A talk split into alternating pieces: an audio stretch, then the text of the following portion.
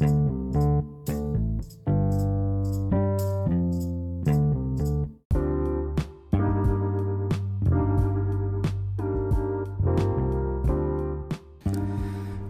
selamat datang kembali di podcast hari ini.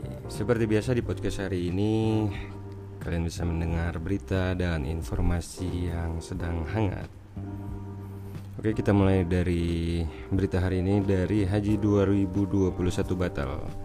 Pengelolaan dana jemaah 150 triliun rupiah dipertanyakan. Kepala Badan Keuangan Haji atau BPKH Anggito Abimanyu mengatakan dana haji yang sudah disetor jemaah mencapai sekitar 150 triliun rupiah per Mei 2021. Ia memastikan keseluruhan dana tersebut tetap aman, baik yang ada di instrumen investasi maupun yang ditempatkan di perbankan. Di perbankan dana jemaah haji ini ditempatkan di bank syariah dan dapat jaminan dari lembaga penjamin simpanan atau LPS. Jadi terlindung dari gagal bayar kata Anggito. Kepala LPS Purbaya Yudi Sadewa ikut memastikan soal keamanan dana jemaah haji ini. Benar, dana haji di bank syariah dijamin LPS dan aman, kata dia saat dihubungi. yang sedang mencuat tagar audit dana haji.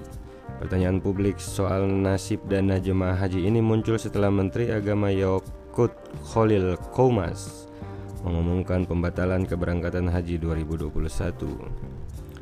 Kebijakan ini tertuang dalam keputusan Menteri Agama nomor 660 tahun 2021. Setelah itu berbagai isu pun berkembang. Salah satunya dana haji dipakai untuk proyek infrastruktur. Bahkan sempat muncul tagar di Twitter hashtag haji. Anggito pun menegaskan bahwa dana haji selama ini sudah diaudit oleh Badan Pemeriksa Keuangan atau BPK pada 2018 sampai 2019, laporan keuangan BPKH pun dapat opini wajar tanpa pengecualian atau WTP dari BPK. Laporan ini tersedia lengkap di situs resmi BPKH. Yang menjadi pertanyaan adalah ke mana dana mengalir. Dalam beberapa tahun terakhir, jumlah dana jemaah haji yang dikelola oleh BPKH terus meningkat. BPKH memang mengurangi porsi alokasi penempatan dana haji di perbankan syariah secara perlahan. Lalu BPKH memindahkannya ke instrumen investasi lain yang dianggap mampu memberikan imbal hasil yang lebih optimal. Jika sebelumnya penempatan dana haji di perbankan syariah mencapai 50% dari total dana kelola, maka tahun 2021 direncanakan penempatan tersebut cukup 30%. Sementara sisanya atau 70% akan dialokasikan ke berbagai instrumen investasi syariah yang sesuai peraturan.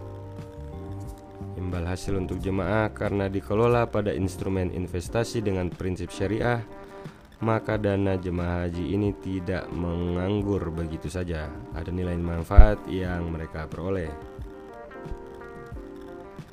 PLT Direktur Jenderal Penyelenggaraan Haji dan Umroh PHU Kementerian Agama Khoiris Hadasir juga sudah mendapatkan laporan dari BPKH bahwa dana jemaah haji ini aman. Dana juga dikelola dengan baik secara syar'i di bank syariah dengan sistem imbal hasil. Imbal hasil tersebut kata dia digunakan sepenuhnya untuk kepentingan jemaah kembali, salah satunya untuk kepentingan subsidi biaya jemaah yang berangkat.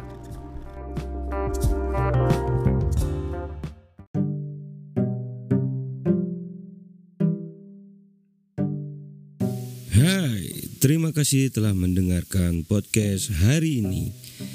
Sampai jumpa di podcast selanjutnya.